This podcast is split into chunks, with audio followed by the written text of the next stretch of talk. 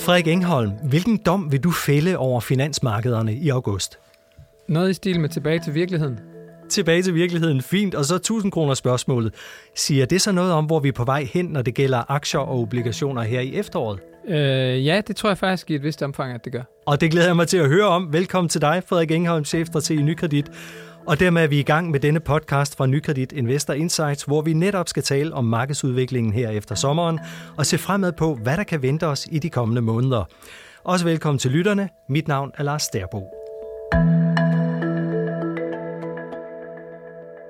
Frederik Engholm, behøver vi egentlig se tilbage for at få en pejling for de kommende måneder på finansmarkederne? Ja, jeg tror i hvert fald, at det som, øh, det, som er sket i august, det er et meget godt billede på, hvad, øh, hvad der sker, hvis markedet ligesom tænker, at nu kan de ryste alle bekymringerne af, bekymringerne af sig. Og det var det, det var, markedet var i gang med at gøre i øh, store dele af juni og juli. Og derfor så tænker jeg, at august det giver et eller andet præg, eller øh, pejling om, hvad for, en, øh, hvad for en virkelighed vi også står for. Ikke fordi jeg tror, at alle måneder bliver lige så ringe som august. Den har været lidt øh, sløj. Men, øh, men fordi at, øh, at det vidner om, at hvis vi tænker os, at nu er alle problemerne væk, fordi vi får et par gode nøgletal, så, øh, så glemmer man, at den usikkerhed, der stadig omgiver øh, den globale økonomi, og dermed øh, aktiemarkederne, selskabernes indtjening osv. Øh, og, og det er den læring, vi kan, vi kan tage med fra august for mig at se. Mm-hmm. Fordi, for lige at opsummere, Lige indtil starten af august, så så det rigtig lovende ud på markederne. I jeres daglige markedsoversigt, der var alle aktieindeks i grønt, altså plusser. Øh, og så kom 1. august, og så kan man se på kurverne, whoopty, så vender billedet fuldstændig rundt. Hvad var det, der skete i august? Jamen, øh, det kan der jo være mange udlægninger af. Det er ikke sådan, at vi ved, hvad der drev det i sidste ende, men jeg vil sige, der, der, der, der var nogle der var nok øh, en begyndende sådan, tendens til, at der var nogen, der rejste det flag, at det her det er gået meget langt på meget kort tid. Amerikanske aktier alene var steget 10 procent, mm, stort set på kommet øh, i juni og juli, og, øh, og resten af verden havde også set pæne stigninger, selvom de ikke helt kunne matche USA. Øh, på et tidspunkt, hvor der var kommet bedre øh, makroøkonomiske signaler, men hvor de signaler ikke betyder, at vi kan glemme de usikkerheder, der var. Der er altså ikke noget, der sådan er afgjort eller afklaret eller fikset endnu. Der er stadig mange ting, der kan gå galt på begge sider, både når vi snakker en vækst, der kan dreje, ud over kanten, selvom den ikke har gjort det endnu, og en, og en, og en inflation, der selvom den ser ud til at falde pænt, kan, kan vise sig at fare op igen. Så, så, øh, og dermed øh, stadigvæk også usikkerhed om det pengepolitiske forløb. Så, så det, det flag blev rejst, så kom der sådan nogle forskellige øh, ting oveni. Jeg tror egentlig, en af de ting, som folk pegede på i starten, var jo blandt andet den her øh, downgrade af den amerikanske kreditvurdering. Det tror jeg ikke er øh, i virkeligheden det mest vigtige, og det synes jeg ikke, det indikerer, når vi kigger på, på, øh, på sådan, hvordan markederne i øvrigt har opført sig, hvad det er for nogle dele af markedet, der har haft det lidt sværere. Men, men øh, og så fik vi oven i det øh, nogle begyndende øh, nye problemer omkring øh, den kinesiske situation, som, som også er kommet til som et nyt element, som jo betyder, at man i hvert fald skal overveje de selskaber, der har en meget stor Kina-eksponering, hvordan det ser ud. Og så, øh, og så tog renterne endnu et hop opad, især i starten af august. Nu har vi givet lidt tilbage på det seneste, men den tendens øh, til stigende renter, som var under, hen over sommeren, blev lidt forstærket igen i, øh, i, øh, i, i august måned, og særligt i starten. Så der har været nogle forskellige komponenter, og så kan man sige, så når aktiemarkedet begynder at falde, så sker der tit det, at så ryger, aktier, så ryger renterdelen også lidt tilbage, fordi folk sælger nogle aktier, køber nogle obligationer, og det presser renterne nedad. Så, så, så, øh, men, men, men der har været nogle indikationer på, at man altså er gået, øh, har fået dels rejst nogle sådan advarselslamper. Nogen har været ude, nogle af de store banker har været ude og sige, at det her det er da ret vildt, er det ikke? Vi synes i hvert fald, det ser negativt ud, at, at markedet er løbet så meget foran virkeligheden i et eller andet omfang, og derfor den øh, intro, som jeg, som jeg gav, det var det første, der faldt mig ind for, det var faktisk titlen på vores seneste analyse, der hed det aktiemarked tilbage til virkeligheden. Øh, og det synes jeg er et meget godt billede på, hvad der er, der er sket i august. Ramte det lige hårdt på alle markeder og i alle sektorer? Nej, men der var en form for payback, kan man sige. At noget af det, som var sket hen over sommeren, det var den her aftagende recessionsbekymring i USA. Altså en tro på, at man måske kunne få lykkes med at få bremset inflationen via renteforholdelser uden at dræbe økonomien fuldstændig. Det plejer stort set altid at ske, når vi hæver renterne, men, men troen på, at man kunne komme, undgå det scenarie og i virkeligheden få det ønskværdige scenarie, at centralbankerne formår at både håndtere inflationsproblemet uden at sende arbejdsløsheden alt for højt op. Øh, det, det, det var en indpas i den første del af sommeren, og det hjalp de sektorer, der er mest afhængige af vækst, altså industri, øh, cyklisk forbrug, og nogle af de sådan, vækstfølsomme sektorer, energisektoren klarede sig rigtig godt, for det sendte også olieprisen opad. Øhm, så er der kommet lidt en, en, en, en regning til de sektorer i august, hvor man kan sige, at, øh, at dels så de her bekymringer om Kina måske, men i virkeligheden også bare det, at de var løbet langt, og usikkerheden som sagt omkring recessionsforløbet, eller recessionsrisikoen, ikke er forsvundet. Vi har stadigvæk en, en, en pæn sandsynlighed for, øh, selvom den måske er blevet lidt mindre, at den stramning, vi får fra centralbanken, den ender med at kunne øh, skubbe øh, ikke mindst amerikansk økonomi ud i en, i en nedtur, der gør, at der samlet set er noget mindre vækst i verden, og hvis der er det, så er der nogle brancher, der er meget afhængige af det. Virksomhederne vil typisk investere mindre, det rammer industri. Forbrugerne holder op med at købe de ting, som man kan lade være med at købe, hvis ikke man, øh, man lige har ekstra penge på, på bogen. Det vil typisk være øh, sådan noget som nogle rejseting, det kan være nogle sådan større øh, investeringer til hjemmet, øh, en sofa eller et spisebord eller et fjernsyn eller en bil eller hvad det nu måtte være. Og de ting øh, er altså det, der har fået et, et tryk efter at have klaret sig ret godt i den første del af sommeren. Så der, der er helt klart sådan en, en tosidig udvikling, hvor vi sætter en streg i sandet omkring 1. august, og så så vi, at, at det så nærmest direkte modsat ud i den sidste del af perioden. Vi kan faktisk pege på noget andet også, for man kan også købe ind i, vi har nogle gange haft det på som en anbefaling, det har vi ikke lige nu, det vi kalder minimum øh, volatilitets aktier. Det er altså aktier, der, der generelt klarer sig godt, når markedet er usikkert og, og, og, og, og, og, øh, og, og kæmper med at finde en retning, og typisk også under store øh, fald i markedet. Det var det indeks, der havde det aller værst i de første to måneder, men er det indeks, der har klaret sig øh, bedst ikke, ikke, bedre, ikke ligefrem sted, men han har vist mindre fald end de resterende dele af verden, hvis vi kigger på, det er det, man kalder stile i aktiemarkedet. Hvorimod sådan noget som small cap, som er mindre selskaber, som typisk bærer en større risiko, som har øh, mere, større udsving i indtjening og større risiko for at ende i virkelige problemer og gå konkurs, ja, de havde modsat øh, faktisk den bedste periode de første par måneder, den ringeste øh, her den, øh, i august indtil videre. Hvordan så det ud for obligationerne? Ja, obligationerne har været præget lidt af det her med, at, at renterne, hvis vi kigger sådan de, de, de, de, de mere sikre obligationer, stats- og realkreditobligationer, har været præget af det her med, at renterne er, er, øh, har været sådan opadgående. Det er typisk ikke så godt for obligationsdelen, så det har, det har, det har, det har været sådan, at sommeren som helhed stadigvæk har, været, har det været bedre at eje aktier end obligationer. Øh, og vi har så på det seneste skruet op for den, man kan sige, det mellemspektrum, der er, det vi kalder kreditobligationer, og det, vi, det er inden for det øh, spektrum, der hedder high yield, som er de mest øh, de dårligst rated øh, virksomhedsobligationer, øh, fordi vi simpelthen synes, at der er der er man stadigvæk eksponeret til risiko. Øh, man har lidt mere, øh, hvad skal man sige, man har lidt mere øh, øh dyppet øh, tåen i vandet øh, i forhold til at være, være, være med, hvis tingene ser bedre ud, men på den anden side, og man vil og, og det er et marked, der vil blive gavnet af, at recessionsrisikoen, uanset hvad, er faldet øh, fordi så går færre virksomheder konkurs, og det er den risiko, der øh, ikke mindst er i det marked. Øh, og, og, og så synes vi, man får en præmie, der i virkeligheden er bedre end i aktiemarkedet. Mm-hmm. Hvis vi så ser fremad, er vi i nyt land, eller som du siger, er det bare tilbage til virkeligheden? Er der, er der noget, der trods alt er forandret i den virkelighed? Nå, men jeg synes, mixet af risici er blevet lidt anderledes. Der er kommet Kina til som en klart ny negativ faktor, og det er jo det er historien om øh, nye store ejendomsgiganter, der har, der har problemer og som spiller en indirekte rolle i relation til hele det finansielle system, fordi den finansiering, der er gået til dem, den kan underminere noget af, af, af hvad skal man sige, øh, den, den kan skabe problemer i nogle i, i det, man kalder skyggebanksystemet, som står for en stor del af den kinesiske finansiering generelt, fordi de bliver finansieret gennem det.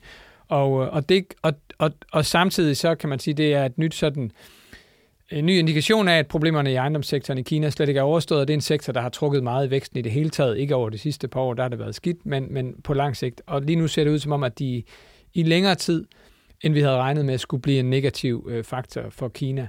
Og så med de her ekstra problemer, der er relateret til finanssektoren. Så det er kommet til som sådan en ny risiko. Det betyder, at de selskaber, der så i særdeleshed har eksponering mod det, bliver bliver, bliver, bliver grænsket ekstra øh, tungt. Øh, og så som sagt, så, øh, så, så det her lidt anderledes billede, der er omkring den amerikanske økonomi, betyder selvfølgelig også noget. Vi har fået nogle nye signaler fra Europa, der i virkeligheden også ser lidt værre ud, end vi havde, vi havde håbet på. Så der er selvfølgelig et nyt billede, men jeg vil sige, overordnet set er det for mig at se det samme. En økonomisk situation, der er så usikker, og en pengepolitisk situation, der stadigvæk indebærer nogle usikkerheder. Også selvom vi ikke er så vanvittigt uenige om derude i markedet, hvornår de er færdige med at hæve renterne. Det er ikke den store nuance, om det bliver en, en renteforhold til ekstra eller ej, er nok ikke det, der gør forskellen. Som centralbankerne og især den amerikanske selv siger, så er det mere et spørgsmål om, hvor længe man vælger at holde renterne høje. Øh, men den usikkerhed er også relativt stor. Den har betydning for, hvornår vi kan få sådan et rigtig nyt opsving. Altså, hvornår kan centralbankerne ligesom slippe bremsen, og det er jo det, de forsøger nu. Hold, hold foden på bremsen for at bremse økonomien op i en grad, så inflationen falder. Når de har gjort det længe nok, så slipper de den igen. Det gør de ved at sænke renterne, og så kan økonomien igen få lov at komme op på den der normal hastighed, som vi formentlig de fleste steder i verden lige nu ligger under. Øhm, og det er det, der kan trække virksomhedernes indtjening op igen. Det er det, der kan starte det, som normalt bliver det, vi kalder et nyt bullmarked, altså en ny lang periode, som typisk varer adskillige år, hvor aktiemarkedet sådan, det kan sagtens være, der er udsving, og de udsving kan også godt være 10 og 20 procent på, på, på år, hvis der kommer grimme choks, vi skal forholde os til. Men sådan over en lang periode i virkeligheden oplever en stigende tendens, indtil vi så får den næste øh, store nedtursperiode, hvor økonomien igen, hvor vi igen skal diskutere recession og så videre. Men tør du give et bud for aktierne her fremad frem til årsskiftet? Jamen, vores holdning er, at der ikke er særlig meget at hente i aktiemarkedet frem til årsskiftet. Øh, vi skal have nogle ret gode... Altså, vi synes, vi synes i virkeligheden, det er sådan lidt asymmetrisk. Vi tænker, at vi skal have nogle ret gode nyheder for, at aktiemarkedet kan, kan holde dampen op. Hvorimod øh, sådan en, øh, en, en mere realistisk slingerkurs, som vi har været på på det seneste, øh, og, og uklare signaler om, hvornår øh, opsvinget kan fortsætte. Og i virkeligheden er vores hovedscenario, og det er faktisk de fleste økonomer, der har et hovedscenario om, at væksten i virkeligheden skal tage lidt af. Nu ligger det som en forventning i markedet, så det er ikke nødvendigvis noget, der vil ryste markedet fuldstændig, men, men, men det er bare for at sige, udgangspunktet er, at vi har et dyrt aktiemarked, som, som ikke har nogen særlig høj risikopræmie, som vi beregner den. Det vil sige, det er ikke sådan indstillet på den usikkerhed, der stadigvæk er om væksten. Det er ikke det samme, som man ikke kan i en situation, hvor det går meget bedre, end nogen havde regnet med, og lige pludselig flasker det hele, så arbejdsløsheden stiger lige så stille, uden væksten falder fra hinanden, og centralbankerne kan hurtigere, end vi havde regnet med måske, øh, begynde at kigge på rentesænkninger. Det scenarie findes, men vi tror bare, at der er mange rundt om, der er mindst lige så sandsynlige. Og, og dermed risikerer vi at få et aktiemarked, der, der skal forholde sig til de her vedvarende usikkerheder hele tiden. Og det tænker vi ikke at et marked, der sådan for alvor kan begynde at stige herfra. Jeg vil nærmest sige tværtimod. Så et volatilt aktiemarked resten af året? Ja, det er vores forventning, og derfor har vi stadigvæk en hovedforventning om, eller en hovedallokering, øh, investeringsstrategi, der peger i retning af, at vi har lidt flere obligationer, end vi har normalt, og lidt færre aktier, end vi har normalt. Og det nye, vi så har gjort, det er at tage de her de her high yield virksomhedsobligationer ind som sådan et, et, et, et skridt i retningen af noget mere risiko, for vi synes, der er nogle ting, der ser bedre ud, nogle ting, der er blevet lidt mindre usikre, men vi synes bare ikke, at det er endnu, man bør tage risikoen i aktier, hvis man vil have noget mere risiko i sin portefølje, øh, og vil løbe efter en for, for, forhåbning om noget mere afkast, så vil vi hellere øh, placere lidt, lidt mere der, end i det rene, end det, end det egentlige aktiemarked. Og jeg kan ikke lade være med at spørge dig om teknologiaktier, fordi for eksempel nu bare her, som vi står her til morgen, så var der et stort spring i går opad i teknologiaktier, især de her Nvidia og kunstig intelligens spillet, der er i gang. Hvordan ser teknologi Jamen, vi synes stadigvæk, at det er svært, og det er ikke en sektor, vi har på overvægt, så det er ikke en, vi anbefaler. Vi synes, den, det, det er klart, at det, der gør det rigtig svært med den sektor lige nu, er, at de forventninger, der ligger, som driver rigtig meget af sektoren, som der ligger i, i hele den her kunstig intelligensbølge, som jo helt klart er en afgørende bølge, som kommer til at betyde rigtig meget. Det svære ved det er at finde ud af, hvor værdifuld er den så for de selskaber, der man lige nu tænker, den er værdifuld for. Og, og det er ikke altid markedet, der er lige god til at på forhånd indregne særlig præcist sådan den reelle værdi af det her. Nogle gange kommer vi til, når vi har de her chok, øh, og når vi har de her øh, teknologichok, eller hvad man skal kalde det, de her nye ting, der kommer til, øh, som, som, som alle har en forventning om, bliver det, der skal være øh, et, et kerneelement i, i fremtiden. Hvem der i virkeligheden ender med at få øh, præmien, belønningen for at drive det her fremad. Øh, vi så det under IT-boblen, vi har set det i historien mange gange, øh, tilbage i 30'erne med biler, tilbage i 70'erne, og, og den periode med film og tv og den slags. Og, og, og, og mange gange var der en masse selskaber, som blev rigtig dyrt prisfastsat, i forventning om, at det her blev det nye sort. Og så endte det med at et slutspil, hvor der var nogle få, der kom ud som vinder, og rigtig mange var tabere, og i virkeligheden blev prisfastsatte man det her tema i de selskaber, der var lige nu, alt for voldsomt. Og den risiko er der også for mig at se nu, og jeg har ikke forstand på enkeltaktier, så jeg skal ikke kunne pege på nogen bestemte. Men det er bare for at sige, det er den risiko, der er med det tema, og vi skrev jo faktisk, da vi havde en tilsvarende hype omkring grønne aktier tilbage i for to år siden, da EU også lancerede en, en grøn hjælpepakke øh, som, som modsvar på corona. øh, der skrev vi en øh, analyse, der hed Grønne Bobler, øh, som handlede om, at når nogen dele af, af markedet, en undersektor eller en underindustri eller et tema, var steget meget voldsomt i forhold til det resterende marked, så var der faktisk en generel tendens til, at der var større risiko end normalt for, at man ville få et, et ekstraordinært stort tilbageslag i, øh, i de sektorer. Og, og den risiko synes jeg også kan være til stede øh, nu, selvom den her bølge ikke er løbet helt lige så langt endnu. Så er der så en sektor, der er mere interessant, som I ser det?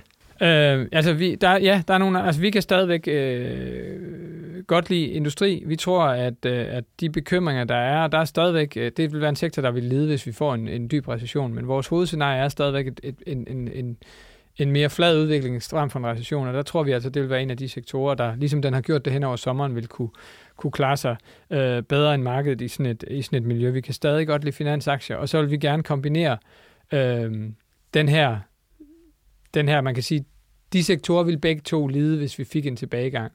Også i forhold til det resterende marked. Øh, finansaktierne vil opleve øh, stigende tab. Industriaktierne vil opleve aftagende investeringer, som vil ramme dem, øh, kunne ramme dem hårdt, selvom det ligger i et vist omfang i forventningerne. Som modvægt har vi stadigvæk sundhed. Det har vi været en foretrukken sektor for os i lang tid, som, som er mere defensiv, altså som klarer sig selskaberne der klarer sig godt uanset hvad. Det er ikke det samme som, at den ikke også vil tabe i en stor aktienedtur, men den taber typisk markant mindre end markedet, når aktier falder. Hvis aktiemarkedet falder 20%, så vil man typisk kunne se et fald på mindre end det halve i, øh, i, øh, i sådan en sektor. Det vil være det gængse billede.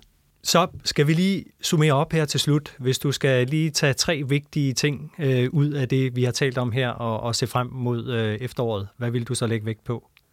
Jamen, jeg vil stadigvæk lægge vægt på den økonomiske usikkerhed og den pengepolitiske usikkerhed, der er. Og selvom, selvom og det er vigtigt at huske, selvom vi ikke har sådan et katastrofescenarie, så er, så, er, så, så er der stadigvæk et meget stort økonomisk udfaldsrum og en meget stor usikkerhed om pengepolitikken, som centralbankerne selv udtrykker igen og igen. Øhm, og, og det bør afspejle sig, synes jeg, som pointe nummer to, det bør afspejle sig i et aktiemarked, der er der, er, der opfører sig mere forsigtigt, eller er prisfastsat mere forsigtigt, end det vi ser nu. Og det er grundlæggende grund til, at vi tror, at aktiemarkedet øh, over det næste halve års tid vil øh, nok ikke vil, vil, ikke vil give den, den, øh, det afkast, som man bør kunne få i aktiemarkedet med den ekstra risiko, der er, og de større udsving, man lever med. Og derfor vil vi hellere være i en lidt mere forsigtig del af markedet, og hvis man skal have noget mere risiko, så vil vi hellere for eksempel være i high yield obligationer, som er et andet sted, man kan placere sig sådan lidt imellem aktieobligationer. Meget fin afrunding. Tak for det, Frederik Engholm, chefstrateg i Nykredit, og tak fordi du kom herind i Investor Insight-studiet og deltog i denne podcast. Selv tak.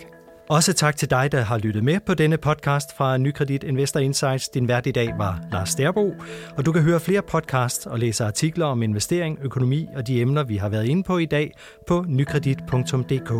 Alle podcasts fra Nykredit kan du også finde på Apple Podcast, Spotify og SoundCloud. Tak for i dag.